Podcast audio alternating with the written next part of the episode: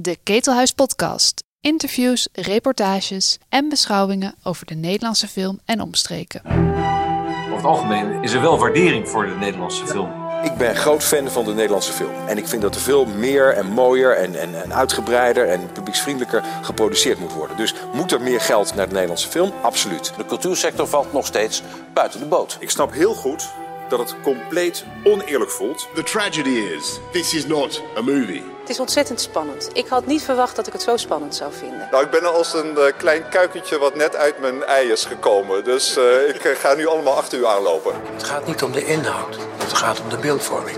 Niet om gelijk hebben, maar om gelijk krijgen.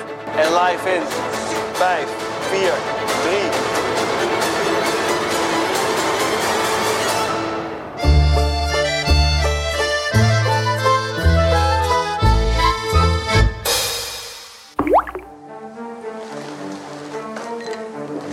Wanneer zijn mensen zo getergd dat ze een toevlucht nemen tot geweld? Deze vraag vormt misschien wel de belangrijkste rode draad in het oeuvre van regisseur en producent Pieter Kuipers. Kuipers, hij is van 1968 en werd geboren in Tegelen, debuteerde in 2003 als regisseur met de speelfilm Van God Los. Over de bende van Venlo die begin jaren 90 rovend zijn Limburgse geboortestreek onveilig maakte. Verder maakte hij onder meer TBS over een TBS'er die een meisje ontvoert. Offscreen over een man die uit woede de Rembrandtoren gijzelt. En Riphagen, een oorlogsdrama over een meedogenloze jodenjager in Amsterdam. Kuipers heeft een voorliefde voor waargebeurde verhalen die zich niet zelden afspelen in Limburg. Momenteel is bij de NPO The Spectacular te zien, een serie die hij bedacht en produceerde. Het is een vierdelige thriller over een politieinspecteur, gespeeld door Hadeweg Minnes, die haar tanden zet in de mensen achter de aanslagen van de IRA in Limburg. Floortje Smit ging met hem wandelen in de bossen bij zijn vakantiehuis aan de rand van Wageningen. Ik vind het wel grappig. Uh, je, je, komt, uh, je komt uit Limburg, je werkt in Amsterdam en ik vroeg waar zullen we heen? En jij zegt, maar omgeving Wageningen. Ja, omdat uh, je kun heerlijk wandelen. En, uh, en ik heb hier mijn, uh, mijn, mijn uh, weekendhuis, huisje, huis. Nou, moet even wat. Hier is wel druk. Ja, en het is heel mistig. Dus ja. het is levensgevaarlijk wat we nu doen. Oversteken. dan lopen we hier zo de doodlopende straat in en dan lopen we het bos in. Maar je zegt weekendhuisje? Ja, dus ik zit hier in de weekenden en in de vakanties. En, en eigenlijk ook steeds meer door, door de week om te werken ook wel. Hè? Maar het is dus aan het puntje van de, zeg dat, het zuidwestpunt van de Veluwe. Ja. Dus we zijn nu net de weg over en nu staat daar het bochtje Veluwe. Maar waarom kies je hier dan een huis en niet dichter bij Amsterdam of misschien in Limburg? Nou, dit ligt precies ertussenin. Dus vanuit Amsterdam is het een uur hier naartoe en vanuit Venlo is een uur hier naartoe. Dus dan kan iedereen, uh, nou ja, de Amsterdammers kunnen hier naartoe komen en de Limburgers moeten ze allemaal even ver rijden en dan uh, zit ik daar precies tussenin. Ja. Je hebt dus een hele Amsterdamse vriendengroep en een Limburgse vriendengroep. Ja, ik heb uh, uh, tot mijn zeventiende in Limburg gewoond. Ja, nee, begin 18e. Ik was net 18. Toen ik wegging naar, heb ik in Utrecht gewoond en toen in Amsterdam. Dus ik heb vrienden in Limburg, Utrecht en Amsterdam. En mengt het ook een beetje als ze allemaal bij jou op de verjaardag zijn? Um, ja, jawel, dat mengt, dat mengt toch wel. Er zijn uh, een aantal mensen die elkaar ook weer ontmoet hebben op die manier. Uh, dus dat mengt zeker. Ja, nee, dat mengt. Ja. Ik, um, ik heb gevraagd of je met me wilde wandelen naar aanleiding van de Spectacular. Ik zat daarover, het is een televisieserie, laat ik dat eerst zeggen, over de IRA-aanslagen in Limburg en, en een beetje daarbuiten in de omgeving. Um, ik vond wel een hele, meteen een hele brutale titel. De Spectacular. Het is wel, je, je roept de recensies een beetje op je af. Ja, je moet uh, onbescheidenheid, daar is nog nooit iemand groot mee geworden. uh, nee, maar de, de, de Spectacular verwijst naar uh, een, een, spectaculaire aanslag die de IRA, dat het grote doel van de IRA is een, hele grote spectaculaire aanslag plegen. Tenminste, dat was destijds het doel. Zoals in Brighton, de beroemde bom die bedoeld was om Thatcher te doden. Dat is gelukkig mislukt destijds, maar daar zijn wel een aantal mensen omgekomen. Nou, dat was ook hun doel hier. Om uiteindelijk een hele grote bomaanslag te plegen. Ja. Dat is vereideld. Uiteindelijk is dat, doordat die groep is opgepakt, is die aanslag nooit doorgegaan. Maar de dreiging van die aanslag hangt als het ware boven de serie. En daarom heet hij ook de Spectacular. Ja, ik moet zeggen dat ik het sowieso heel opvallend vond. Want ik had um, er zelf nog nooit van gehoord van IRA-aanslagen in Limburg. Nee, terwijl er toch wel behoorlijk wat... Uh, er zijn drie grote aanslagen geweest in Limburg. Een fix aantal aanslagen vlak over de grens in Duitsland. Uh, in België zijn uh, IRA-leden al eerder opgepakt. Die dreigden met aanslagen. Uh, dus ja, het was in ieder geval in Limburg destijds wel... nou ja, zo groot nieuws. Ehm, was eigenlijk ook nog, had ook nog destijds de Rote Armee-fractie die regelmatig zich in Limburg ophield. En die ook nog wel hier naar een grensincident, uh, tot een grensincident leidde. Een schietpartij en doden. En dus het, raar genoeg was Limburg in die tijd uh, ja, toch een soort van... Uh, voelde voor ons een beetje middelpunt van allerlei grote, grote belangen. Ja, heel raar. Wist, je, wist jij daarvan? Had jij wel, bedoel, krijg je dit mee op school? Nou, wat, ja, niet, niet, werd niet onderwezen of zo hoor, dit. Maar wat wel was, kijk, de aanwezigheid van de, van de Britse en Amerikaanse militairen, die gelegerd waren vlak over de grens in Duitsland. Dus hè, die Duitsers, moet je je voorstellen, die hebben die oorlog verloren uiteindelijk natuurlijk. Mhm. En, er kwamen, het Duitse leger werd een beetje opgeheven en uh, Duitsland werd verdedigd door Amerikanen, Canadezen, nou, net zoals Berlijn opgedeeld is. Maar die, um, die militairen die werden ook in Duitsland een beetje gezien als een bezettingsmacht. Mhm. Dus wat deden die Duitsers? Die zeiden, nou het mag wel, maar die wilden je zoveel mogelijk aan de grens hebben. Niet, niet te veel in het land. Dus die lagen ook allemaal een beetje nou ja, op plekken waar... Uh, uh, dus vlak, vlak bij de grens. En daar waren een aantal vliegbases. En die, ja, dat, dat merkte je de hele dag wat van, want die vlogen de hele tijd over het grensgebied. Hm. Met van die, uh, ja, was het, uh, F-15, F-16 en die tijd ook van die Britse vliegtuigen. En die gingen dan door de geluidsbarrière, dus die knallen, die hoorde je echt, nou ja, voor mijn gevoel de hele dag, maar dat zal wel meegevallen. Maar ik, dat is wel in herinnering uit mijn jeugd. Dat die vliegtuigen zo heel laag overkomen, echt heel laag. En dan door de geluidsbarrière uh, en, en als je dan de stad in ging, uh, in Venlo, maar vooral in Roermond, ja, dan zag je altijd militairen. Ja. Maar jij zei, ik heb het niet geleerd uh, op, op school. wanneer, wanneer raakte jij dan gefascineerd door deze aanslagen? Nou, ik, die hebben mij altijd wel gefascineerd, vroeger al toen ze gepleegd werden. Maar um, jaren later, dat is inmiddels een jaar vijf, zes geleden, is er een boek verschenen van Paul van Gageldonk, journalist van de Limburger. Die heeft die zaak uh, uitgeplozen zover als dat kon en die heeft het heel mooi in een boek gezet. En dat boek kwam toen uit en toen uh, was ik bij de Limburger en toen, toen zei ik, dat boek wil ik wel, dat wil ik wel proberen te verfilmen. dus toen heb ik de rechten gekocht, boekoptie genomen, het boek. Uh, en toen ben ik daarin gedoken en uh, heb ik, uiteindelijk heeft dat tot die serie geleid. Hoe vaak roep je dat eigenlijk? Uh, dat boek wil ik wel verfilmen? Nou, zo twee, drie keer per jaar. Zoiets, dat we dat doen. Ja, en ik doe natuurlijk niet dat ik alles zelf verfilm, maar soms mm. vraag je andere mensen om te doen. Maar met name, ik ben natuurlijk, ik, ik hou heel erg van Limburgse verhalen. Dus ik ben erg alert op als er een Limburg een mooi verhaal naar boven komt. Dus vandaar ook dat dit ook mij, dat, dat je denkt, ja, dat moet ik gewoon doen. Uh, maar ik heb ook uh, bijvoorbeeld net De Heks van Limburg, uh, Limburg dat boek optie opgenomen. Van Suzanne Smit. Van Suzanne Smit. En dat is ook zo'n geweldig verhaal in Limburg. Ja, die claim jij gewoon. Limburg is gewoon van jou. Nou ja, ik probeer in ieder geval, laat ik zo zeggen, ik, voel me een beetje ambassadeur van Limburg in, de, in, het buitenland. Ja, het is niet trouwens, het is niet een hele vrije ambassadeur, want je doet vooral misdaad en, en de, de wat akeligere verhalen, laat ik het zo zeggen. Ja, de, de, romantische comedies, die laat ik aan anderen over. Ja, klopt. Maar goed, even terug naar het boek. Uh, wat, wat zat er in dat boek waardoor jij dacht van... oh, dat, dat ga ik eruit dat, dat intrigeert me het meest? Nou, eigenlijk was dat het einde van het boek. Uh, daarin werd eigenlijk gezegd van... als je terugkijkt op, die, op die, de Troubles en op de, de, Dirty War, zoals het ook wel wordt genoemd... dan kwam er, was het steeds meer duidelijk dat er eigenlijk een heel groot aantal IRA-leden informant waren voor een of andere geheime dienst. Of van de Engelse Noord-Ieren, de Ieren, de politie, de militairen. Um, en, uh, en Paul van Gagendonk die zei, ja, dat, dat zou eigenlijk betekenen, logischerwijs, dat ook in die cel, in die IRA-cel die hier actief was, ja, dat is bijna onmogelijk dat daar geen informant tussen gezeten heeft. En dat betekent dus dat uh, die, zeer waarschijnlijk die Britten hebben geweten van wat er gespeeld heeft. Ja. Maar het toch hebben laten gebeuren. Dus de vraag is, was dus, ja, één, is dat zo? En twee, waarom is het zo? Waarom is het dan gebeurd? Dus eigenlijk, die, de Britten wisten dat er aanslagen zouden plaatsvinden, waarschijnlijk. En die hebben niet ingegrepen, die hebben dat gewoon toegelaten.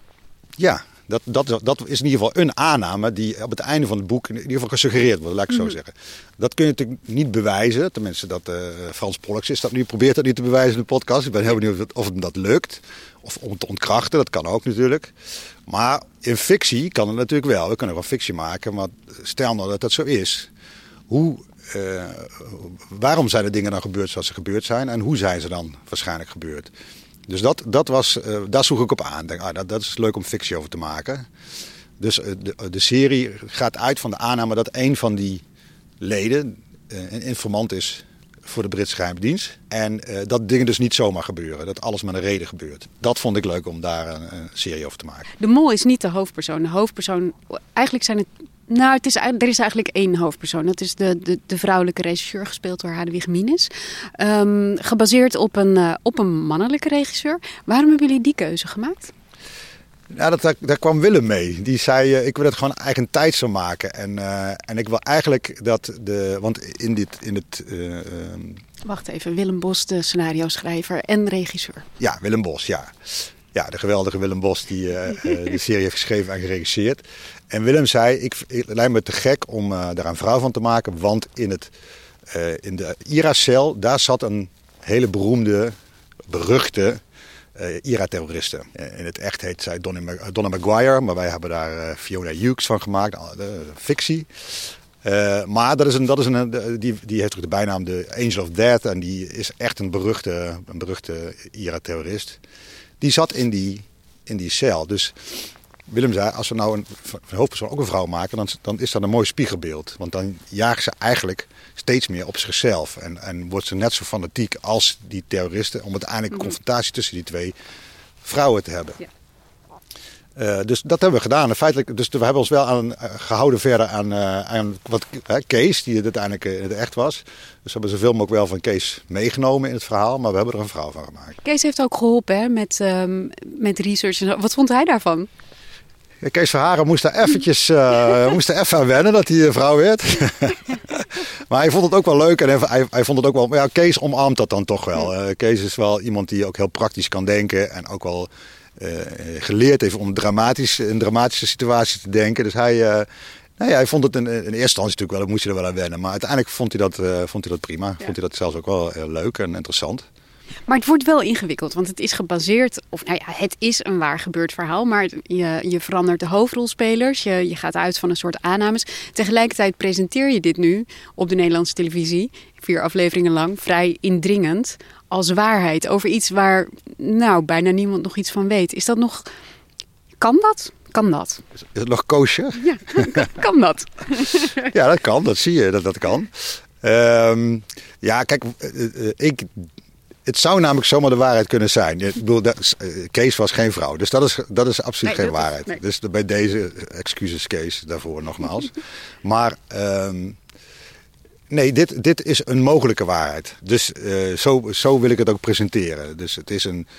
Uh, um, we hebben heel veel dingen moeten uh, inkorten, veranderen, dramatiseren. Maar dit zou een waarheid kunnen zijn. En ik heb zelf steeds het idee dat we er eigenlijk niet zo heel ver vandaan zitten. Alleen ja, je kunt dat gewoon niet bewijzen. Ehm, en, en, zeker destijds konden ze dat niet bewijzen met de, met de middelen die er waren en de wetten die ze moesten hanteren.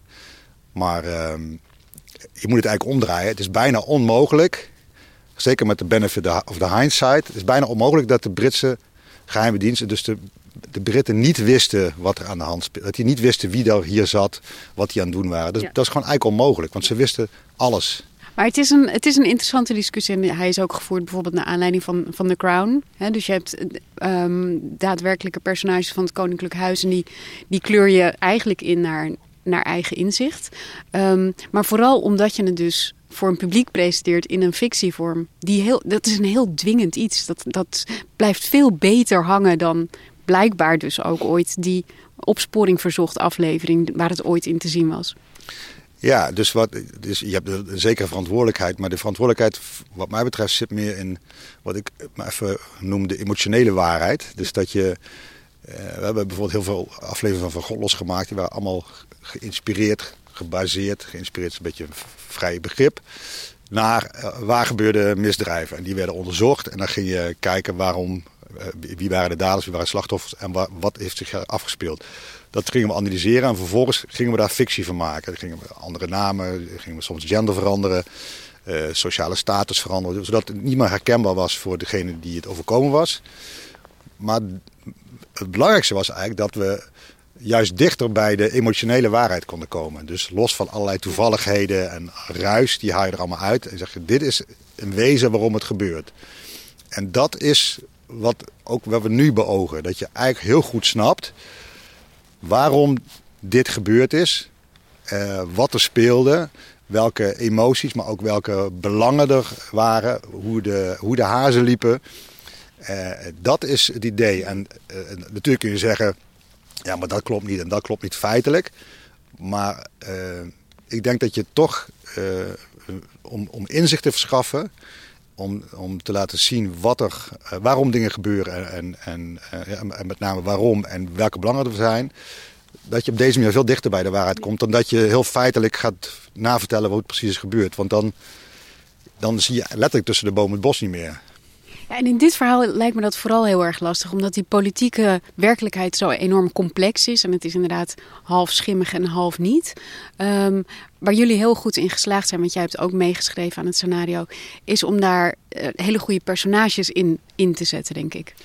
Ja, ik, bijvoorbeeld een heel uh, belangrijk onderdeel is de, binnen de IRA is een grote discussie uh, tussen de mensen die vinden dat je moet onderhandelen en politieke overwinning moet boeken. En de mensen die gewoon zeggen nee, we willen een verenigd Ierland en daar strijden we voor met alle middelen en met name met geweld. Nou, wat je dan, als je dat dramatiseert, dan zeg je nou dan maak ik daar een vriendschap van tussen twee vrienden die uiteindelijk tegenover elkaar komen te staan. Natuurlijk was er het echt, speelde dat zeker wel. Die, die, die twee kenden elkaar goed, maar dat waren niet de beste vrienden. Die, maar die zijn uiteindelijk wel vijand geworden. Maar wij maken er dan twee oude vrienden van. Dus ja, dat is de dramatische structuur, waardoor het ook emotioneel wordt, zeg maar. Want anders dan blijf je toch een beetje tegen die mensen aankijken. Ja, die hebben ruzie aan een andere mening. Maar ja, dat, dat is nog geen drama. Het drama wordt natuurlijk dat je eerst voor elkaar door het vuur ging en uiteindelijk de een de ander laat vermoorden. Dat is, dat is Shakespeare, zeg maar. Dus snap je? Dus drama heeft wel zijn eigen wetten. Maar daarmee onthoud je wel veel beter, vind ik. Dan kom je veel dichter bij de waarheid van... Die, die, dat Noord-Ierland, dat zijn allemaal, allemaal vrienden van elkaar. Maar dat is verscheurd geraakt in, eh, ook binnen hoe, welke oplossing moeten we kiezen. En uiteindelijk heeft de ballotbox, zeg maar de politieke vleugel gewonnen. Maar die andere vleugel is er ook nog steeds. En dat sentiment en het restsentiment is er nog steeds. Dus ja, volgens mij snap je dan beter wat er aan de hand is als je het gewoon heel persoonlijk vertelt. Het is je laat het nu heel makkelijk klinken. Van ja, we doen even zo de ene vriend en de andere vriend. Maar het lijkt me best ingewikkeld om ze allemaal die body te geven. En om ze allemaal... was, was dat het lastigste aan dit hele project? Nou, ik zal niet zeggen het lastigste, wel het leuke, zeg maar, de complexiteit. Want je wil het ook niet te, niet te veel versimpelen, want dan doe je ook geen recht aan de complexiteit. Ik wilde ook, en Willem, Willem ook zei, we moeten het zo vertellen dat je denkt dat je het begrijpt, maar ook af en toe denkt, volgens mij begrijp ik het niet helemaal, maar dat maakt niet uit, want het is heel complex. En dat is zeg maar, bewust gedaan, dat je bewust het gevoel houdt van, wow, het is wel heel complex. Ja, maar dat is ook heel complex. Bijna iedereen die erbij betrokken heeft, heeft zijn eigen doelen en zijn eigen redenen en zijn eigen, vecht zijn eigen oorlog uit. Uh, maar je wil wel, ja, wat ik zeg, Shakespeareaans drama maken. Dus dan is het gewoon heel. Dan lees je ergens van: hé, hey, die, die, uh, een van die grote leiders heeft een, een, neefje meegestuurd. Nou, dan denk je, nou, dan maar van dat neefje maken we gewoon een jongere broer. Dan maken we nog wat dichterbij. En dat, dat, die jongere broer die wil zich bewijzen ten opzichte van zijn oude broer. En die maakt de grootste fuck-up omdat hij zich wil bewijzen. Nou, dat is de dramatische structuur die je dan gebruikt. Maar dat, dat is wel waarom dingen gebeuren. Niet omdat het de broer was, maar wel omdat iemand zich wil bewijzen. Snap je? Dus dat, dat je intensiveert zeg maar, de, uh, wat er al is. Jullie geven de, de vrouwelijke regisseur, die, die heeft te maken met rouw. Want uh, haar kind is, is net overleden. Ze gaat volgens haar man eigenlijk uh, te snel terug naar het werk. Allereerst, nu ik, nu ik het toch over die man heb, complimenten voor de grote witte onderbroek van Jacob Derwig. ja, meteen openen we zo'n beetje mee. Dus dat hebben we dat maar vast gehad. Zet je de tijd goed neer. ik vond het een prachtig beeld. Ja, ja Jacob was er ook zelf erg uh, verheugd over. Ja, goed. Nou, hebben we dat ook gehad. Um, oh ja, de regisseur. Die, um, uh, er zit een hele verhaallijn omheen uh, rondom die, die rouw rondom dat kind. Um, waarom hebben jullie daarvoor gekozen? Nou, dat, dat, uh, ik weet niet of Kees dat vervelend vond, maar dat, dat is iets wat uit het leven van Kees komt. Op een iets andere manier. Bij Kees is het iets, is het iets anders verlopen dan in de film. Maar rouw uh, speelt in het leven van Kees een grote rol. Uh, hij heeft ook een, een, een, kind verloren. En dat, dat bepaalt in Kees de keuzes in zijn leven. en ik vond eigenlijk, in eerste instantie wilde we dat niet gebruiken. En later zei ik heb ik Kees gebeld en zei: We willen dat toch graag gebruiken. We doen het op een andere manier, Kees. Dus we gaan het niet doen zoals het bij jou is gegaan. Hmm. Dat, is, dat is gewoon privé, dus dat wil ik bij jou laten. Maar het, het is toch een wezenlijk onderdeel van, van wie jij bent, waarom je fanatiek bent, waarom je voor de waarheid gaat, waarom je uh, doet wat je doet. Dus ik zal het toch graag. Toen zei Kees: Nou, is goed, dat mag, dat mag gebruiken. Dat, is, dat vind ik prima. Dus dat hebben we in deze vorm gegoten. We gaan maar even een stukje verder lopen. Het is, um, het is wel een recht pad. Ja, maar het houdt daar. Kijk, dit is even de eerste 100 meter is het nog, uh, is het nog geasfalteerd en dan gaan we het bos in. Het echte bos. Ja, ja. Kijk, dit is de oude puinplaats hier. Mm -hmm. Dit is de oude stocht. Ah. En hier, uh, dit is een asielzoekerscentrum, dus dat loopt tot hier zo. Het hek oh, dat hek is voor een asielzoekerscentrum. Ja, ja, dat ligt hier rechts.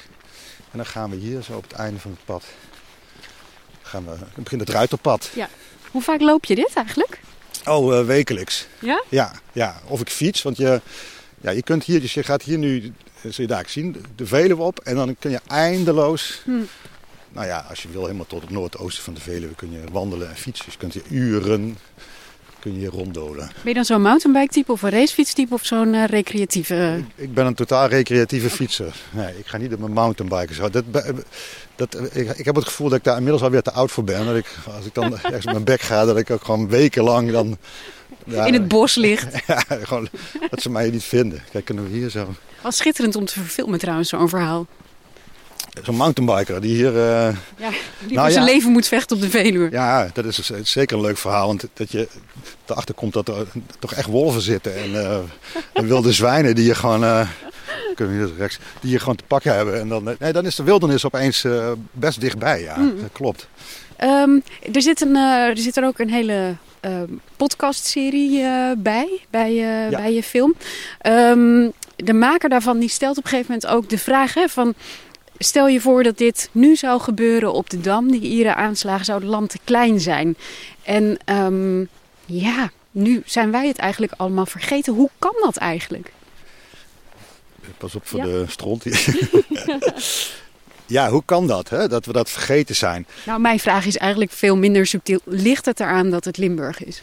Ja, dat is, dat is, kijk, dat is een wezen waarom ik het wilde verfilmen. Uh, is dat het hele conflict in Noord-Ierland is een, is een totale uitvergroting van hoe Limburgers zich, en ik zelf ook, toen, toen ik op, opgroeide, hoe wij ons voelden. Dus uh, je hebt het gevoel, en daar gaven deze aanslagen, maken dat weer duidelijk, dat je, je hebt uh, Nederland en je hebt zeg maar Limburg. Mm -hmm. En je hangt er letterlijk een beetje aan. En, ja. dus het doet er niet zoveel toe wat daar gebeurt, want het, het wordt helemaal niet opgemerkt. En um, je merkt ook als je, hè, toen we in Noord-Ierland waren om research te doen, dat, dat, dat zit ook in de serie, dat ze letterlijk zeggen, oh ja maar, ja, Nederland is toch protestants? Ja, ja. ja, nee, een groot deel van Nederland is katholiek, het zuidelijke deel is katholiek. Toen zei ze, oh dat is eigenlijk hetzelfde als in Ierland. En, en, uh, ik zeg, ja, en, en, dit, en de gevoelens zijn hetzelfde. Van dat je eigenlijk een beetje miskend voelt, uh, een beetje ongezien voelt. Uh, dan ga je maar je eigen cultuur omarmen. Dus dan ga je heel eigen bij het carnaval vieren en je eigen dialect enorm omarmen. En alleen uh, in Noord-Ierland wordt dat nog eens een keer uh, politiek uitgebuit. En worden, wordt de katholieke minderheid uh, gewoon gediscrimineerd en, en vernederd. Dus dat loopt uit de hand. Maar de, de basis daarvan ja, die herken je wel. Of die herkende ik in ieder geval. En dacht, dat vind ik mooi om, om dat door alles heen te laten sijpelen. Dus je ziet zelfs het politieteam, wat, wat heel lokaal is. Ja, niemand verwacht eigenlijk dat die, die Limburgse politie die zaak gaat oplossen. En verdomme, het lukt ze wel. Ja, ja dat, dat, dat, je voelt dan alles. Het was helemaal niet de bedoeling. Want dan hebben we opeens IRA-terroristen in een cel. Dat zegt ook een van die politieagenten die ze dan arresteert. Die zegt ook, ja, het was geen, geen, geen politiebureau die die IRA-leden wilde hebben. Want uh, ja, daar worden we opgeblazen. Of, dat kan dan helemaal niet. Dus dat was helemaal niet de bedoeling dat die Limburgers dat, dat lukte. En dat vertelt uh, Kees, die vertelde dat ook heel mooi. Die zei, ja, ik merkte dat, er, dat bijvoorbeeld de BVD kreeg helemaal geen informatie van die Engelse geheime dienst. Dus de BVD kon ons ook niks vertellen. En Kees zei, maar dat kan niet, want die Engelsen moeten weten wie hier zit. Dus, zei Kees, ben ik op het vliegtuig gestapt naar Noord-Ierland. en naar een politiebureau gelopen gezegd van ja, ik kom uit Limburg en ik wil graag weten welke terroristen jullie missen. En toen zei hij, toen kreeg ik alle namen. Dus uh, dat, dat sprak mij enorm aan. Ik denk, ah, dat is echt zo'n Limburgs politieteam wat gewoon op eigen houtje dan maar gaat doen. Uh, en dat, dat resoneerde dus in alles. Dat, de, de, het gevoel van, nou, dan moeten we het maar zelf doen. Weet je? Dan, dan maar zonder al die uh, rote methoden daar in Den Haag. We doen het maar op onze eigen manier. En dat lukt dan ook nog. Ik zag dit in een, in een recensie van de Groene Amsterdammer. Die zei, ja, er komt zo'n... Want feitelijk komt Janine, die komt als regisseur daar binnen voor het eerst. Dan zeggen ze, oh, daar komen de Hollanders. Zij blijkt dan natuurlijk stiekem ook een Limburger te zijn. Maar het is niet zo inderdaad dat zij dan binnen galoppeert als degene die het even allemaal komt rechttrekken in de provincie. Nee, want zij is uiteindelijk natuurlijk zelf, komt zij uit ja. Maastricht. En dat is ook het moment dat iedereen zegt, oh, oké, okay, nee, ja, dan ben je welkom. Oh, nou, dat wist ik niet, maar dat hoor je helemaal niet. Ja. Dat, weet je, normaal hoor je het toch wel. En ze, ja, nee, ik heb een beetje een talenknobbel, dus zij kan zich als een soort chameleon kan ze zich, uh, eh, aanpassen. Maar dat, dan ontspant iedereen ook opeens. Ja, oh nee, dan is het goed. Het dialect is ook een grappig ding. Want dat, dat, uh, het gesprek waar je net aan refereerde, dat uh, van, oh jullie zijn ook katholiek, jullie zijn eigenlijk net als wij. Dan zegt zij, nou het valt wel mee, we worden niet zo gediscrimineerd. Ja. En dan zegt uh, haar partner, zegt, ja, we gaan hier naar links. Ja. dan zegt haar partner, ja, maar je hebt wel je Limburgse accent afgeleerd. Ja, ja en dat, dat is ook iets wat altijd een beetje Limburgs vervelend vinden. Als, als iemand dan naar het noorden vertrekt en dan eigenlijk dat je eigenlijk niet meer hoort dat je uit Limburg komt. Dat is echt een, uh, dat steekt heel erg. En daar word je ook op aangesproken als je dat, uh, als je dus te veel je, ja, je afkomst verlogent, letterlijk. Dat, ja, dat wordt niet gewaardeerd. En vind ik ook wel terecht, eerlijk gezegd. Ja, wat vinden ze eigenlijk van jouw accent dan nu? Is dat te veel of te weinig? Of is het eigenlijk altijd verkeerd? Ja, ik weet het niet. Ik, ik pas het altijd een beetje aan. Zo. Als ik, maar dat gaat vanzelf. Als ik in Limburg ben, dan sowieso spreek je dialect. Dus dat is al heel makkelijk. En als je dan Nederlands moet spreken, dan, dan, pas ik met, dan gaat het altijd wel een beetje vanzelf. Dat ik toch iets meer van een zachte G. Ja, pas je nu aan aan mij? Ik probeer nu een soort van algemeen beschaafd Nederlands te praten, maar ik vrees dat dat dan nog wel een... Uh, ietsjes, ietsjes. Klein, kleine tongval ja, zit erin, ja. Nou ja, dat, dat hoort dus ook zo. Dat is, dat, dat hoort, ja, je mag best weten waar je vandaan komt, toch? Je bent dan zelf uh, de, dus ook opgegroeid in, uh, in Limburg. Ik kom zelf uit uh, Noord-Holland. Wat denk je dat het grootste verschil is? Nou, ik, ik, ja, ik, ik ken Noord-Holland natuurlijk niet, dus dat weet ik niet. Maar ik, ik, ik weet wel dat in Limburg de, taal heel belangrijk is muziek heel belangrijk is in die eigen taal. Carnaval heel belangrijk is. Dat staat een groot deel van het jaar staat echt in dienst van wat wij dan vastelovend noemen. Um, met muziek, met voorbereiding, met, uh, met, geintjes, met uh, de, de, wie wordt de prins, weet je. Vanaf november wordt er al uitgebreid over gesproken en, en gegist. Nou, dat alles bij elkaar maakt dat, ja, dat je... ja, dat je een heel eigen wereld creëert. En er komt bij dat uh, Venlo, waar ik zeg maar, vandaan kom, als ik kom uit Tegelen, dat is een dorpje tegen Venlo aan. Daar komt bij dat uh, Venlo ook nog eens een stad is die groot genoeg is om alles zelf te organiseren. Dus als je hebt Lowlands, maar tegelijkertijd heb je in Venlo heb je dan de parkfeesten. Mm -hmm. Dus ja, je hoeft niet naar Lowlands, dat kun je gewoon een parkfeest. En als in Rotterdam de, de marathon is, kun je in Venlo de halve marathon rennen. dus dan hoef je ook niet, je hoeft helemaal niet naar Rotterdam de marathon te rennen. Je kunt in Venlo. Snap je, dat, dat, dat wordt allemaal daar gewoon zelf georganiseerd. Dus die stad is volledig, uh, nou ja, zelfvoorzienend zou je kunnen zeggen. Ook qua cultuur en qua sport. En Ja, en dat is dus eh, van de ene kant heel erg leuk, want dat betekent dat ja, alles is er. Maar het is ook natuurlijk heel moeilijk, want als je weg wil, dat is bijna een soort elastiek.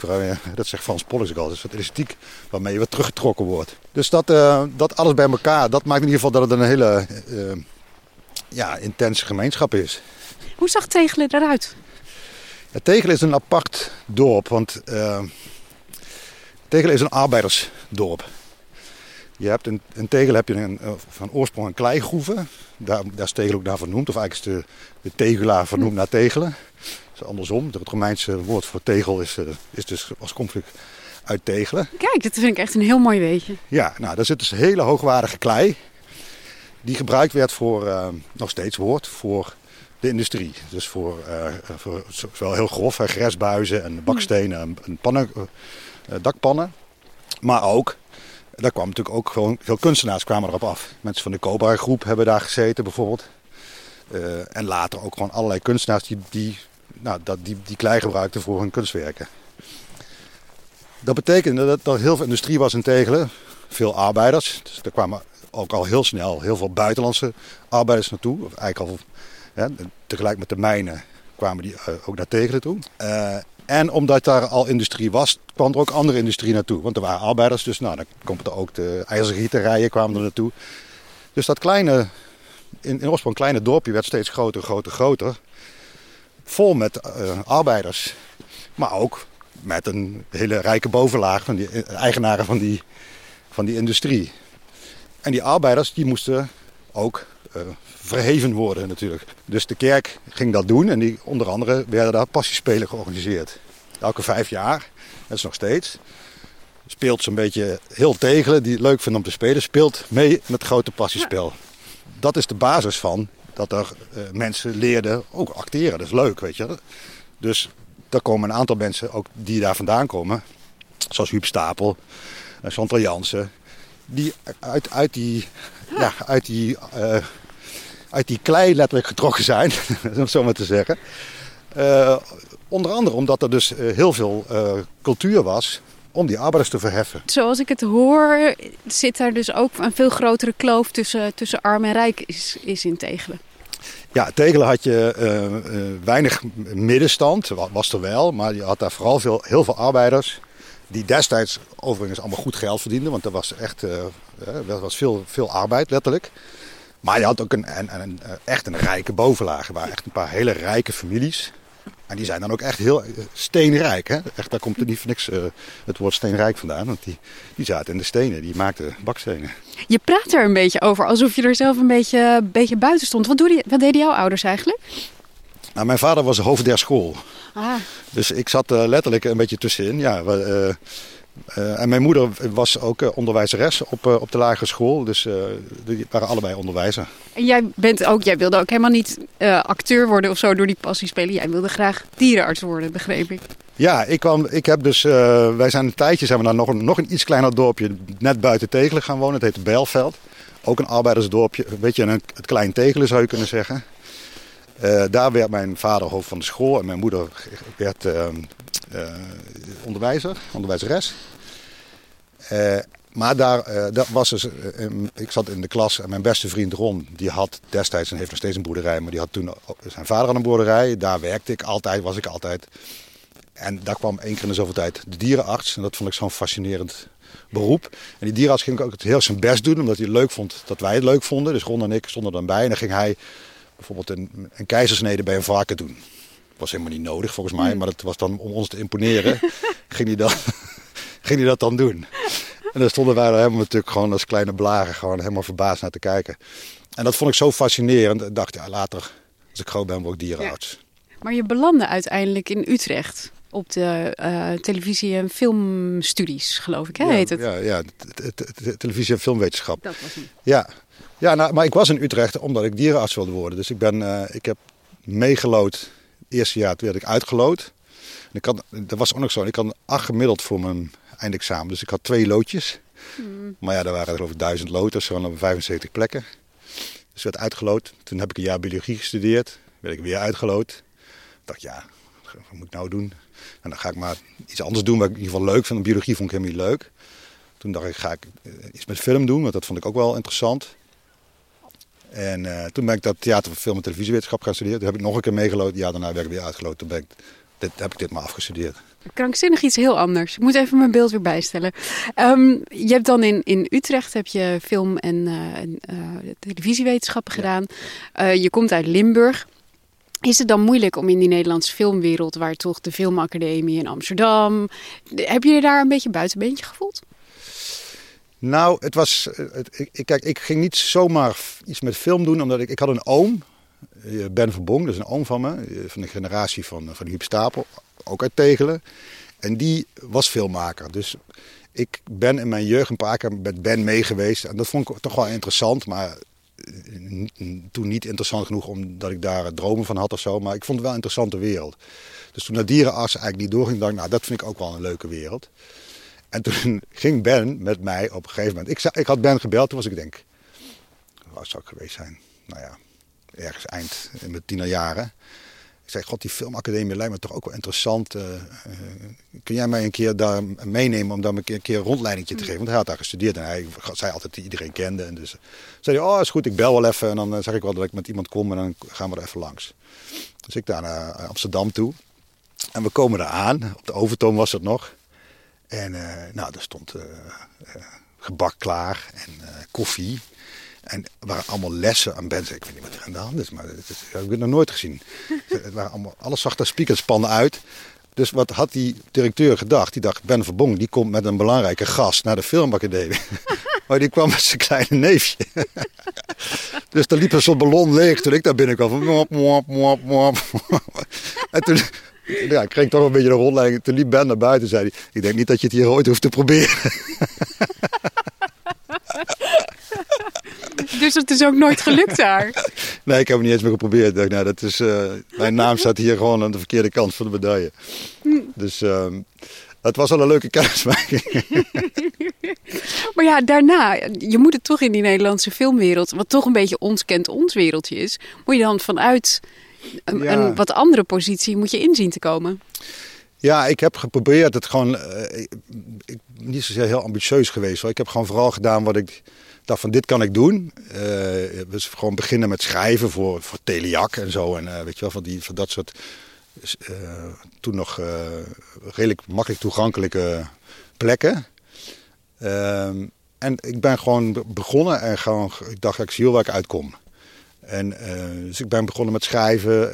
eerst met een aantal, met een groep vrienden uit Utrecht hadden we ons bij elkaar gezet in een, in een clubje, dat heette Complot. Hmm. En daarmee zaten we, hadden we, uh, gewoon, hadden we echt een kantoor gehuurd. En dan zaten we met, met acht man bij elkaar. En dan gingen we gewoon allemaal dingen verzinnen. En de hele dag. En dat hebben we gewoon twee jaar gedaan. En toen langzaam ging iedereen wel zijn eigen weg. Maar dat was het zwarte gat na de studie werd zo opgevuld.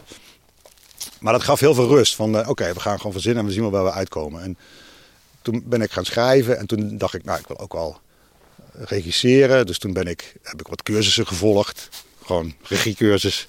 Hele, ja, gewoon, we moeten toch een beetje leren. En toen ben ik begonnen met, uh, bij de KRO Jeugd TV om uh, dingen te regisseren. Live regie gedaan. Toen dacht ik, nee, ik wil graag drama doen. Dus toen heb ik gewoon iedereen die mij belde gezegd, ja, ik wil helemaal drama doen. En dacht, nou, dat zal ik wel nooit meer gebeld worden. Maar vervolgens word je daar dan toch gewoon voor gebeld. En toen dacht ik op een gegeven moment van, ik wil eigenlijk wel een film maken. En ik weet ook wel waarover. Ik wil graag over dat verhaal van die bende van Venlo een film maken. En uh, gelukkig was uh, Anton Smit bij DTV en Renier Seelen bij uh, Rinkelfilm. Die beiden zeiden, ja, dat vinden wij ook een tof idee. Dus laten we het doen. En zo heb ik mijn eerste film gemaakt. Maar het was, voor mijn gevoel, ja, ging het heel organisch. En het heeft ook wel tien jaar geduurd of zo voordat ik van dat eerste schrijven tot daar kwam, zeg maar. Nee, het is grappig dat je dat zegt. Van het, ik, ik zag wel een beetje waar ik uitkwam. Maar aan de andere kant had je dus wel heel duidelijk het idee... ik wil een film maken, toen dat idee er eenmaal was... over die bende van Venlo. Waarom was dat nou wel iets waarvan je dacht, dit is het? Nou, omdat het, omdat het zo dicht bij me lag. Ik, uh, het was uh, Venlo, het was daar een heel bekend uh, verhaal.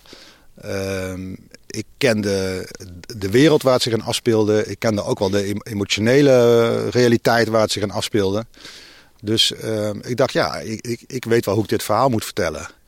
Um, dus je moet, ja, dat is wel heel belangrijk. Als je, iets, als je zegt van ik heb een goed idee om te filmen, ja, dan is het ook wel belangrijk. Ben jij dan degene die dat moet vertellen? Want ja, soms heb je een heel goed idee, maar moet iemand anders dat, kan dat veel beter maken. Dus in dit geval kwam dat gewoon goed bij elkaar. En, ehm, want ik werd al, al wel eerder gevraagd van, wil je niet, zou je niet een film willen regisseren? En eh, ik had ook met een aantal mensen gewerkt die dat ook mij, tegen mij zeiden, ja, waarom ga je nou niet, weet je, ga je nou weer een, een dramaserie doen? Dus ik, ja, dat komt wel, maar ik moet eerst iets, weet je, als ik vind wat ik wil vertellen, dan, uh, dan ga ik het doen. Uh, dus toen ik dit had, toen dacht ik, ja, nou moet ik, ook, moet ik het ook gewoon doen. Je zei net, ik herkende die emotionele werkelijkheid ook heel erg. Je hebt daar ook over verteld in interviews dat je dat, die, die aantrekkingskracht van dat criminele, dat heb jij zelf ook wel gevoeld of ervaren. Ja, ja ik heb, wij, wij zijn één jaar, mijn ouders hadden toen ze 40 waren bedacht dat we ergens anders gingen wonen. Zijn we naar, helemaal Zuid-Nederland, naar uh, Zuid-Limburg, naar IJsden verhuisd. Gingen ze allebei werken, althans mijn vader ging in eerste instantie daar werken. Uh, en daar, ik was daar zo boos over. Ik vond dat zo'n verschrikkelijk stomme actie. Mm. Dat, ik, dat we weggingen uit Venlo en, en omstreken. Dat die woede, die, uh, die, die, ik, dat voelde ik meteen, dat gaat, dat gaat gewoon niet goed. Dus ik, die werd meteen omgezet in allerlei negativiteit. En, ik, en dus ik werd ook enorm aangetrokken door, dat voelde ik gewoon door mensen, die, door jongeren die dat ook, die ook zo'n woede zaten, zeg maar. Dus al veel, heel snel waren wij op oorlogspad. Gewoon letterlijk jatten en inbreken. En uh, gewoon als twaalfjarig jochie. Wat deed jij dan? Stond je op wacht of ging je ook die huis in? Ja, ik was in eerste instantie wel een beetje degene die op wacht stond. Of af moest leiden. Of, uh, uh, maar ja, je werd gewoon onderdeel van zo'n zo'n groepje. Die, en dat was het rare, was het ook de ouders van een van die... Er waren een paar kinderen bij die ouders hadden een winkel. En die gingen we naar België om daar inkopen voor te doen. Bij een grote hm. beurs. En dan moesten wij gewoon zoveel mogelijk jatten. Dat was gewoon een opdracht van die ouders ook. Dus, Ja, ja, dus het was gewoon ook nog een soort van gelegaliseerde. Voor ons dan zeg maar, uh, nee, je, moest, je mocht gratis, je mocht jatten. Dus dat, hm. gewoon, dat, het sloeg, sloeg allemaal helemaal nergens op. Maar toen uh, zijn wij gelukkig uh, binnen een jaar terug verhuisd naar, naar Venlo. Omdat mijn ouders het daar niet, gewoon niet konden aarden. Dat ging allemaal niet goed. Zeg je ouders dat jij aan het afgeleiden was of niet? Nee, ik denk dat zij dat toen niet zo hebben ervaren, nee. Nee. Dat denk ik niet, maar dat zou je ze eens moeten vragen. Maar ik denk dat ze dat, uh, nou mijn moeder is inmiddels overleden maar ik denk dat dat niet zo bewust, dat ze dat niet zo bewust hebben meegemaakt. Je hebt het er zelf nooit over gehad met ze? Nee, ik heb dat verder nooit echt met hun besproken. Ja, maar ik was achteraf wel blij dat we weg waren. En ik had, toen leerde ik, had ik wel, toen, daarna was het ook, was het ook helemaal over. Was ik gewoon, had ik ook geen enkele behoefte meer aan om zoiets te doen. Maar toen leerde ik wel van, zo voelt dat dus. En zo makkelijk is dat dus. Als je gewoon echt een soort woede in je, in je hebt, dan, is, dan zet je dat heel makkelijk om in allerlei negatieve dingen. En dan voel je je ook enorm aangetrokken tot mensen die die, die, die woede met je delen. Ja, het is grappig. Ik heb ter voorbereiding heel veel interviews gelezen. Het gaat heel vaak over jou. Um, over tussen goed en kwaad kiezen. Dat, dat, dat, dat je heel erg fascineert. Hè? En geweld. En de aantrekkingskracht van geweld. Maar wat ik eigenlijk veel meer zag ook in, het, in je hele oeuvre is. Um, woede die ontstaat uit onvrede. Eigenlijk heb je al boze witte mannenfilms gemaakt. voordat de boze witte man echt daadwerkelijk de boze witte man was. Ja, dat zou je best zo kunnen zien, ja. Dat klopt wel, ja. Dus die woede, die is, die is heel belangrijk. De, de, de, en dat, merk, dat is nu natuurlijk ook een heel groot onderdeel van waarom dingen gebeuren die gebeuren. Dat er gewoon mensen gewoon heel erg boos zijn. En of die woede nou terecht is of niet, je moet daar wel, dat moet je kanaliseren. Daar moet je iets mee, daar moet je op reageren. Want anders, ja, dat is een oneindige uh, vlam die alleen nog maar, uh, die zichzelf bijna voedt. Die overal zijn, zijn, zijn munitie vandaan haalt. Um, dus, en dat zit, dat zit in ieder geval, ik zou zeggen, ik, ik herken dat heel erg in mezelf. En ik denk, als ik in mezelf herken, dan zal dat iets zijn wat veel mensen ook zullen herkennen. Um, dus woede is een, uh, ja, en, en, dat, dat, dat komt vaak uit onvrede, maar ook uit dat je vernederd wordt. Dat je er niet toe doet, dat je aan de kant geschoven wordt. Dat je, uh, ja, vernedering is volgens mij een hele, hele ontkenning, weet je zeggen de Engels ook, never under, underestimate the power of denial. Mm. Ja, dat, dat is, dat is zo'n... Uh, kinderen die ouders hebben die hun niet willen, willen zien of kennen, weet je wel. dat, zijn, dat zijn de kinderen die het verste komen in het, in het leven. Er zit zoveel woede, die hebben zoveel energie. Ah, jij ziet woede als drijfveer? Ja, dat is een drijfveer, ja. Nee, wel een negatieve drijfveer, hè. En die kan ook volledig verkeerd uh, gaan. Maar het is een, het is een, het is een energiebron. absoluut. Maar die kan volledig verkeerd, zich volledig verkeerd richten. Maar die kan ook af en toe tot iets heel erg goeds leiden. Wat niet betekent dat het fijn is om het te ervaren. Want nog steeds is het een hele negatieve kracht. Heb je dat nog of eh, heb je dat juist helemaal niet? Nee, ik, ik, heb, het, ik heb dat niet meer. Ik heb dat, ik, nee, ik heb eigenlijk weinig reden om, uh, om woedend te zijn, zeg maar. Uh, Gaat je drijfveer trouwens? Dan? Nou ja, dat is wel, kijk, uh, dat is wel een enorme drijfveer. Dus als die op een gegeven moment, als die op een gegeven moment weg is, dan, uh, dan, dan moet je dus het ergens anders vandaan gaan halen. En gelukkig zijn er ook andere energiebronnen. Maar het is wel een hele, ja, het lijkt zich bijna verslavende energiebron. Het, het, geeft je zoveel energie en je, je, je rent harder dan iedereen en je werkt harder dan iedereen. Omdat je gewoon weet van, ik wil gewoon laten zien dat ik er wel toe doe. Weet je wel? Zullen we eens even laten zien hier wie hier uiteindelijk laatste lachte. Dat zijn allemaal hele ja, heftige uh, benzinetanks, zeg maar, die je gewoon helemaal leeg slurpt. Je hebt uh, bijvoorbeeld offscreen gemaakt over de man die de Rembrandt-toren gijzelt, omdat hij denkt dat... Oh, nou moet ik even. Wel, welke. Ja, hij dacht dat, dat er in de breedbeeld allerlei ja. extra informatie werd meegestuurd die, die ons manipuleert ontzettend eigentijds film, hè, als je hem nu zou bekijken. Het is een hele, het is een hele complottheorie film natuurlijk, ja.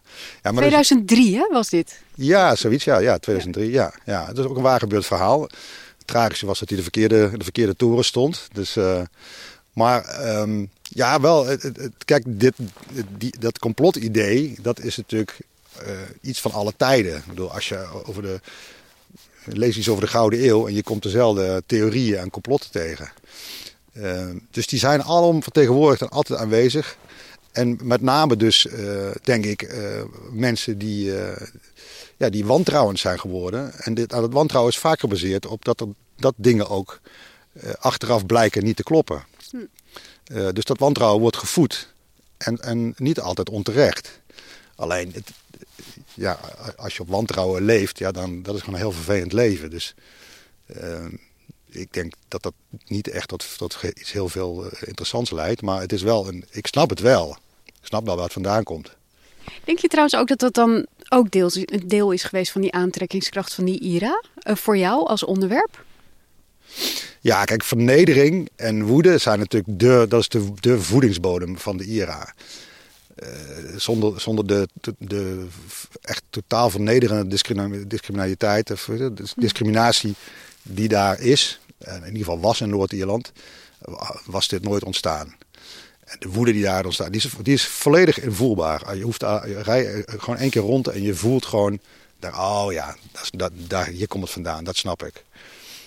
Uh, dus, uh, je, en ik, vind het, dus ik, zie het, ik zie het altijd, um, net zoals ik vind dat je Shakespeare moet maken als je een scenario schrijft, maar ik vind ook dat je bijbels moet denken als je verhalen vertelt. En daar gaat het in wezen, is het natuurlijk helemaal terug te brengen naar gewoon hoe leid je je leven, zeg maar. Laat je je door de negativiteit leiden of door positiviteit. Dat is een keuze die je gewoon ergens moet maken in je leven. En op het moment dat je je door de negativiteit laat leiden, is het super moeilijk om nog terug te stappen naar de andere kant. Dat je heel veel dingen onder, onderweg vernietigt en kapot maakt. En uh, cynisch wordt en uh, vriendschappen vernietigt, liefdes vernietigt. Dus dan is het heel moeilijk om dat allemaal weer te repareren en naar de andere kant te stappen. En mijn, mijn oma zei ook altijd van je kunt de duivel er wel inslaan, maar je slaat hem er nooit meer uit. Dus je kunt één keer een kind slaan, maar je, je kunt nooit meer ongedaan maken.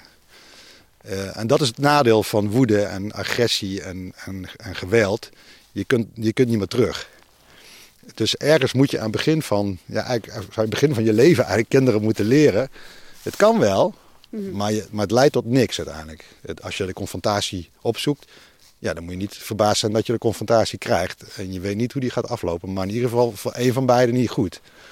Ben je nou ontsnapt dan inderdaad na dat jaar dat je dan op het criminele pad uh, dreigde te belanden? Of is dat dan nou. wel bewuste keuze ook geweest? Nee, dat was toen helemaal geen welbewuste keuze. Het was gewoon puur, puur intuïtief uh, dat die woede weg was. De, gewoon de, letterlijk de reden om woedend te zijn was weg. Want ik was weer terug waar ik wilde zijn. En ik weet ook, het voelde als een enorme opluchting. En, eh, en het was echt een soort bevrijding voor me. Mijn ouders hebben dat natuurlijk allemaal helemaal niet zo ervaren. Maar ik, voor mij was dat wel een soort bijbelse proportie, zeg maar. Um, dus dat was eigenlijk gewoon opgelost. Uh, dus en dan is het klaar? En dan is het klaar, ja. Dan is het voorbij. Dus ik denk ook dat op het moment dat die vernedering weg is, ja, zoals je Noord- Noord-Ierland kijkt, dan is gewoon gerechtigheid. Je kunt je recht halen, je kunt gewoon je geld verdienen op een normale manier. Je, hoeft, je wordt niet meer vernederd. Ja, dan is het probleem ook opgelost. Dus dat is ook de enige oplossing, is gewoon de basis van het probleem verwijderen. Het is interessant dat in, in de serie vraagt de inspecteur of de, de politie, eh, de onderzoekster, vraagt ook aan Fiona Hughes op een gegeven moment van waarom, waarom doe je dit nou? Waarom, Ja. waarom vlucht je in dat geweld? En dan zegt ze ja, ik weet het eigenlijk niet. Dat is eigenlijk, gaat dit een beetje tegen jou? Ja, ja het, is ook een, het is ook wel een scène waar ik met Willem lang over gediscussieerd heb. Eh, want want ik, ik denk dat dit eh, uiteindelijk eh, dus is dit wel waar het toe leidt, zeg maar. Tot, tot eigenlijk totale desinteresse. Dat je al vergeten bent waarom je het überhaupt allemaal, waar die woede vandaan kwam. En, je doet gewoon omdat je denkt, ja, dit doe ik nou eenmaal jaren. En ik ben er goed in. En ik vind het misschien ook wel zelfs leuk. En, het is, ik heb er alles voor opgegeven. Dus ja, nou, nou, ik kan ook niet meer terug. Maar ik had zelf ook wel het gevoel dat, kijk, die, die, in, het, echte leven was de, die, die, die vrouw waar het over ging, die heeft gewoon eh, ergens in het begin van die hele periode, volgens mij had zij een zus en is die zus overleden in een gevangenis. Die, had een, eh, die is daar eh, een hongerstaking gegaan. Ja, en dan, dan is dat gewoon een beslissing van ik, ik neem wraak op de dood van mijn zus. En, en die wraak is natuurlijk nooit af en nooit zoet. Die blijft gewoon met een onge dat is een vat wat maar niet gevuld wordt. En alles en iedereen moet vernietigd worden eh, omdat mijn zus gewroken moet worden. Dat had voor mij ook wel in die scène gemogen. Maar we- goed, we hebben daar eh, lang over gediscussieerd. Of gediscussieerd, maar over gehad. En ik vond het wel heel mooi eh, dat, dat Willem zei, ja, maar het, het is fijn, ook fijn dat je gewoon de leegte ziet van die terroristen. Uiteindelijk is het ook gewoon een. Het, trekt natuurlijk wel een bepaald type mensen aan. Hè. Niet iedereen pakt een wapen op en gaat mensen vermoorden. Dat is ook gewoon een bepaalde leegte moet er, zijn. Een zwart gat waar je in kijkt. En omdat eh, Janine zich daar enorme voorstellingen van maakt. Die denkt, nou, nou komt het. Nou krijg ik het grote geheim. En er is helemaal niks. Ja, dat is ook wel een hele mooie, eh, ook wel een hele mooie oplossing. Dus Ik vond het. Ja. ja, uiteindelijk hebben we dus daarvoor gekozen. Ja, Ik vond het ook wel een mooie parallel misschien met, met, eh, met jouw filmische cv. Hè? Je bent eigenlijk altijd op zoek naar, naar de drijfveren achter geweld. Dat speelt op heel veel, eh, veel, in heel veel films en series die je hebt gemaakt, speelt dat een rol. Ehm, en dat je dan nu hier bent. Dat je, zo, dat je misschien volwassen bent Ja, geworden en dat je weet, ja, ja. er zit eigenlijk gewoon verder niks achter, punt. Ja, ja dat, is, dat, dat- is ook een, een, een bepaalde loutering hoor. Ik denk ook dat het. eh, natuurlijk wordt het door allerlei dingen gevoed en is er eh, enorme, we hebben gezegd, die energiebronnen die zijn er, maar niet iedereen gaat over tot geweld. Niet iedereen stapt over naar die dark side. En, eh, dus daar is ook een, een, een, een grote leegte ook. Dus er moet ook iets doodgemaakt zijn, iets, iets kapot geslagen, wat gewoon ook echt, je moet ook in een zwart gat kijken, denk ik. We lopen weer even een stukje verder. Je hebt, je hebt, bijna, je hebt eigenlijk een heel de oeuvre gebouwd rondom, ehm, zo las ik het ergens, eh, charmante psychopaten. Ja. Welke vind je zelf eigenlijk het meest intrigerend nog steeds? Nou, qua, qua, qua film vind ik zelf eigenlijk TBS wel het meest geslaagd. Omdat we in die film echt tot het einde konden... eh, wat een Riphagen ook wel vind ik wel goed gelukt. Dus dit, dit zijn, de- dat zijn eigenlijk de twee films waar ik denk het meest trots op ben. Want in beide films kun je tot het einde twee paden bewandelen. Namelijk het ene pad is...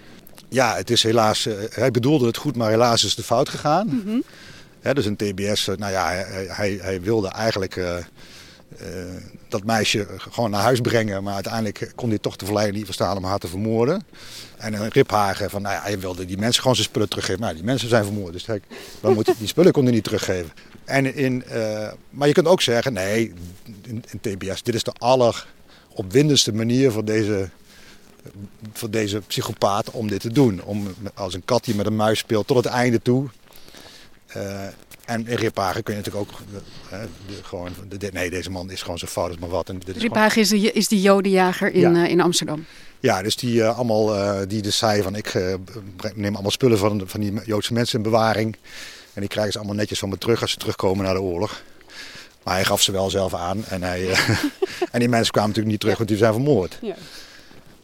Dus dat is gewoon dat, dat is een andere route. Ja, dat is gewoon een totale psychopaat die gewoon honderden mensen de dood in heeft gejaagd en een, af, spullen afhandig heeft gemaakt. Maar die beide sporen en de TBS vind ik dat het beste gelukt. Dat iedereen ziet, ja, toch heel veel mensen zien een andere film. De ene ziet die film en de andere ziet die film. En je en moet zelf maar uitmaken wat jij denkt. En dat zegt iets over jouw levenshouding, wat je gezien hebt. Dus als je denkt, nou nee, maar hij, hij heeft het toch wel heel lang proberen goed te doen. Ja, dan ben je, sta je iets positiever in het leven dan degene die denkt, nee, maar dit is gewoon één groot. Die man is, dit is er precies, zo geniet je er het meeste van. Mm -hmm. Ja, dan ben je wat cynischer en wat uh, zwartgalliger sta je in het leven. Maar je, dat, dat vind ik, ja, dat vind ik het leukste van die twee, van die twee films, zeg maar. Waar zou jij zelf staan dan? Uh, nou ja, ik zit, dus, ik zit dus in het midden. Want ik, ik, ik vind het leuk om beide routes te, te vertellen. Maar ik zit niet, niet helemaal in het, in het positieve kamp. Want anders zou ik dat andere er niet tegenaan plakken. Dus ik, ik heb zeker ook wel... Uh, ik, dus ik, ik sla af en toe van links naar rechts. Dan, ik heb hele positieve dagen. Maar ik heb ook hele cynische, uh, cynische dagen. Ja. Je zit volgens mij overal een beetje in het midden. Ja, dat vind ik, ik vind het leuk. Ik, ik, ben, ik, ik voel me een beetje aangetrokken ook tot zeg maar, het voorzitterschap. Zo'n, ja, dat je alles kun je van verschillende kanten bekijken. En dat is, we hebben bijvoorbeeld in, uh, in Doodslag uh, hebben we een scène dat uh, Gijs Scholte, die speelde cabaretier. En die ehm, in één optreden verdedigt hij uh, Theo Maassen, die zeg maar, als ambulancechauffeur in een gevecht terechtgekomen is. En heeft hij een jonge Marokkaanse jongen zo hard geslagen dat hij is overleden. En die jongen stond in de weg, vond hij. En in, in het ene optreden maakt hij hem helemaal tot held. En dan staat de hele schouwburg een staande ovatie. En een optreden later breekt hij hem helemaal, maakt hij hem helemaal kapot. En dan is iedereen doodstil. En hij vertelt eigenlijk hetzelfde verhaal vanuit een ander perspectief. En dat vind ik, dat vind ik dus heel erg leuk. Ja. En beide, je gaat helemaal mee in het verhaal. Ik denk, ja, inderdaad, wat een goede, wat een goede daad. En een, een dag later denk je, wat afschuwelijk, hoe kun je dat doen? En het zijn dezelfde feiten, alleen op een andere manier verteld. En dat is natuurlijk de kracht van, uh, als je rechts gaat, de kracht van verhalen vertellen. En dat is ook de, wat je nu steeds meer ziet. Van met, met dezelfde feiten kun je dus een totaal ander discours vertellen. En het is aan ons, kijk, dat is natuurlijk wel aan onze makers, om die discours op een goede manier te vertellen. Uh, je, moet, je moet alternatieven bedenken met dezelfde feiten die, ja, die steekhoudend zijn en die mensen ook aan het denken zetten. Nou ja, dus inderdaad dat je mensen leert dat je, ja, nou ja, nadenken in ieder geval. Niet alles klakkeloos meteen aannemen en beoordelen. Ja, je hebt overal, je hebt, je hebt overal verschillende kanten van. En dat is juist leuk. Dus dat is juist interessant. En als iemand claimt de waarheid te vertellen, dan moet je meteen denken: ja, maar er is vast ook wel een andere kant aan dit verhaal. Want de, de, dat, dat, is, dat maakt het leven juist interessant. Dus, dus ik zou zeggen: wantrouw alles en iedereen die denkt, die jou zegt dat dat de waarheid is. Maar, maar omarm juist alle, ja, alle twijfels en alle andere alternatieven. En, uh, je moet daar altijd in blijven zoeken en, en, blijven discussiëren. Daarom is wetenschap ook zo leuk. Het is nooit af. Het gaat altijd maar door. Er komt weer een nieuwe theorie en een nieuwe onderzoeksvraag. En, en je, komt steeds verder, maar, ja, maar je twijfelt ook voortdurend, want dat is leuk. Um, je hebt vijf jaar geleden ongeveer uh, gezegd dat je uh, stopt met regisseren. Waarom eigenlijk? Want je klinkt heel erg alsof je nog een verhalenverteller bent in plaats van een producent. Ja, maar ik zie mezelf ook wel als verhalenverteller hoor. Dus ik, ik, ik ben ook wel echt meer een creatief producent dan dat ik met geld bezig ben. Dus ik zoek naar verhalen en ik zoek naar mensen die, die, waarmee ik dat kan vertellen. Of die, die verhalen kan vertellen. En het leuke nu is dat ik dat niet... Als je, als je regisseert ben je heel monomaan met één ding bezig. Twee jaar lang. En als je creatief produceert kun je vijf verhalen tegelijkertijd doen. Dus het, het verbreedt voor mij de wereld waar, uh, waarin ik kan werken. Dat vind, dat vind ik er leuk aan. Maar ik mis ook wel soms de intensiteit van echt zelf regisseren. Moet ik toegeven. Ja, en het is toch gewoon irritant dat iemand anders jouw uh, idee gaat verfilmen. Want je hebt het zelf in je hoofd, je weet precies hoe het moet. Ja, maar nou bijvoorbeeld in dit geval met, met, met Willem, Willem Bos. Is, is dat, het oorspronkelijke idee kwam bij mij vandaan om dat te gaan doen. Althans, ja, ik had het boek gelezen en ik dacht, het is interessant. Maar vervolgens heeft Willem dat tien keer beter gemaakt dan ik het ooit zou kunnen. Dus Ja, dan ben ik gek als ik zeg van ik wil het zelf doen. Denk nou, dat kan Willem dus veel beter dan ik. Dus laat godsnaam Willem dat doen. Ik, ik heb gekeken naar wat jullie, wat jullie maken bij, bij Pupkin. Ja. Um, Waar komt de naam trouwens vandaan? Ik zeg de hele tijd pumpkin. Namelijk, ja. daar was ik toegeneigd de hele tijd. Ja, dat is ook het, uh, precies de bedoeling. Want het komt uit een film, de King of Comedy van uh, Martin Scorsese. Daar heet iemand, uh, Robert De Niro speelt daar Rupert Pupkin. En dan zegt hij ook often mispronounced en misspelled. en iedereen noemde hem ook anders in die film. Dus uh, hij heet Puffkin en Perkin en Pumpkin en Purskin. En... en toen dacht jij, een naam die niemand echt goed kan uh, uitspreken en onthouden, dat is een goede naam voor mijn productie. Uh. Ja, ik heb dat ooit opgezet samen met Marcel Visbeen. Dat was een, een, is een vriend van mij waar ik ooit mee begonnen ben, heel lang geleden. En uh, wij vonden dat wel heel erg grappig ja, om een naam te kiezen die iedereen verkeerd. Dus we, kregen ook, we hebben ook heel veel brieven bewaard destijds van waar het allemaal fout op stond. dat is heel grappig. Maar goed, ik heb, ik heb gekeken naar, die, uh, naar wat, jullie, uh, wat jullie produceren. Het zijn heel veel jonge makers, best wel eigenzinnige makers ook. Is dat waar je naar zoekt? Ja, uh, kijk, jong talent. Je moet altijd zorgen dat er weer een nieuwe generatie de kans krijgt. Zoals ik destijds ook bij door Anton Smit en Renier Selen de kans heb gekregen om iets te maken ja, dat, dat moet, die, die kansen moeten wij ook wel bieden aan de maker, jonge makers van nu. Dus dat is super belangrijk. En ik denk dat het heel fijn is als je jong bent dat je je eigen signatuur leert kennen. Uh, want later kom je dan vanzelf aan de grote mensenwereld en moet je wel heel veel inleveren. Dus het is fijn om je eerste film helemaal te kunnen maken zoals jij denkt dat je het moet doen. Zodat je echt je, je unieke positie zeg maar, in die wereld zo goed mogelijk kunt neerzetten. En dan vanaf daar nou, dan rol je gewoon verder je carrière in. En dat durf je wel aan als, als producent dan? Ja, dat is in Nederland ook heel best wel goed geregeld, moet ik zeggen. In Nederland is er veel ruimte voor jong talent. Dus dat, dat, dat, uh, het is best wel uniek hoor, uh, hoe wij uh, in Nederland in staat zijn, of in staat worden gesteld om iets te maken wat echt wel uniek is en wat echt wel een signatuur heeft. Ik zou het eerder willen omdraaien. Ik vind eigenlijk dat er af en toe te weinig gebruik van wordt gemaakt. Hmm. Van die mogelijkheid. Ik vind dat er eigenlijk nog veel te veel rams wordt geproduceerd. Wat mij betreft. Het mag, mag wel veel specifieker en veel uh, eigenzinniger. En jij maakt zelf, of tenminste jullie maken ook graag um, verhalen die gebaseerd zijn op, op waar gebeurde verhalen. Waarom, waarom is dat eigenlijk? Nou, het geeft, een, het geeft voor mij een legitimiteit aan wat je vertelt. Het feit dat het, dat het waar gebeurd is, of in ieder geval verwijst naar iets wat waar gebeurd is, is een reden om het te vertellen. Namelijk, het is waar gebeurd en ik wil graag begrijpen waarom zoiets wat ik eigenlijk onbegrijpelijk vind, waarom dat gebeurt. En kan ik het nou zo vertellen dat ik het begrijp en met mij dan de kijker het ook begrijpt. Uh, en daarmee iets over de wereld leren. Dus ik vind altijd, ook als je iets vertelt wat niet waar gebeurd is, maar je moet wel een legitimiteit hebben. De kijker moet snappen waarom het er is. Als je het ziet, moet je denken, ah, ik weet wel waarom dit verteld wordt. Ik ga hier, hier ik een stukje langs de heide hier. Ja, want we lopen nu eigenlijk de hele tijd door een soort nou ja, bos. Gewoon bos. Ja, we ik zag leuke vogeltjes trouwens net, maar toen was je ja, net in een verhaal. Niet goed opgegeven. Net liepen we door een enorm beukenbos. En nu lopen we door Sparrenbos. Dat is een, uh, een enorm gevarieerd bos. En nu komen we daar een stukje heide. Ja. Kijk. Je moest uh, opeens produceren in, uh, in coronatijd. Wat heeft dat gedaan met de serie? Nou, dat heeft de serie wel echt grondig veranderd. Want we zouden door, echt door heel Europa gaan draaien. En uh, dat kon niet. En toen dachten we, nou dan gaan we Europa maar naar Nederland halen. Dus we gaan vooral heel veel bouwen in de studio. En eigenlijk was dat ambacht een beetje verdwenen in Nederland. Want dat gebeurt eigenlijk nooit meer. Dus wij moesten echt uh, nou, terugvallen op de oude rotte in het vak om, ons, om het de jongeren weer te leren.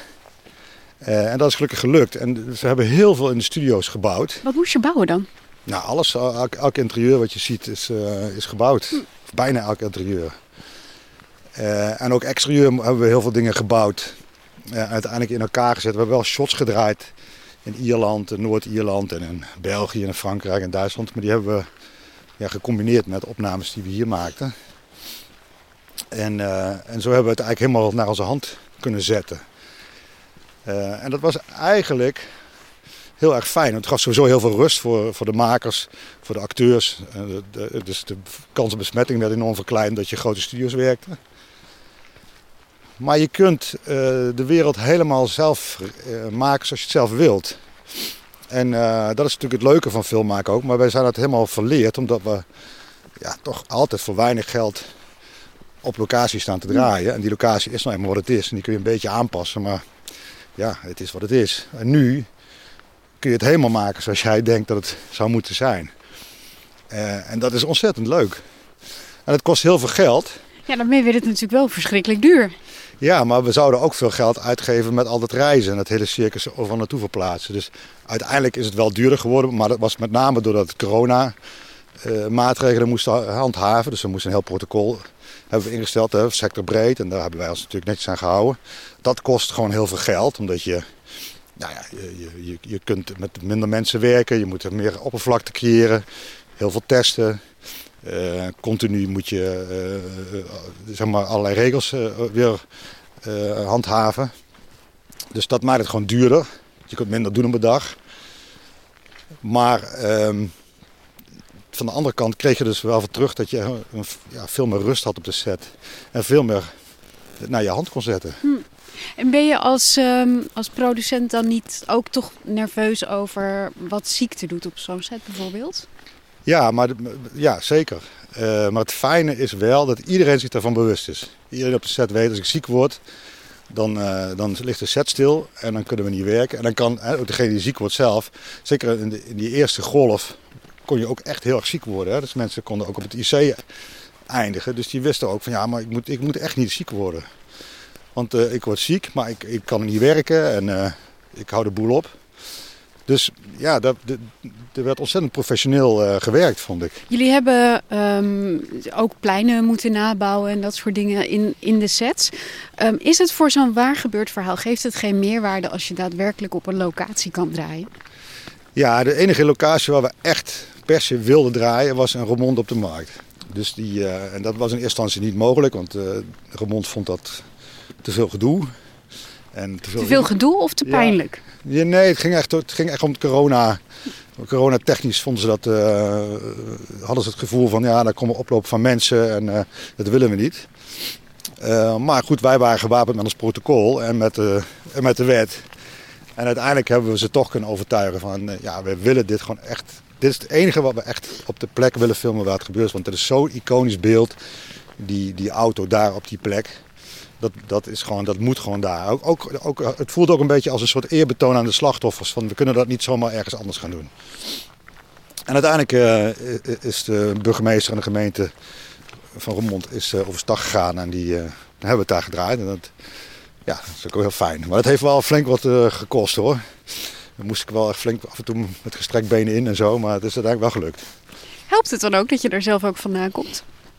Ik denk het wel. Ik denk wel dat het helpt. Ja, je spreekt toch letterlijk de taal. En uh, ik, ik heb ook wel een beetje, denk ik, maar dat zou je naar andere mensen moeten vragen, ook wel een beetje de reputatie dat ik ook wel gewoon uh, een beetje rebels ben. En niet snel nee voor een antwoord uh, neem. dus, um, maar dat is, dat is in dit geval echt omdat ik echt overtuigd was dat, dat, dat het echt een hele grote fout zou zijn als we dat niet zouden doen. En, um, dus dan, dan ga ik ook net zo lang door met vechten tot ik win.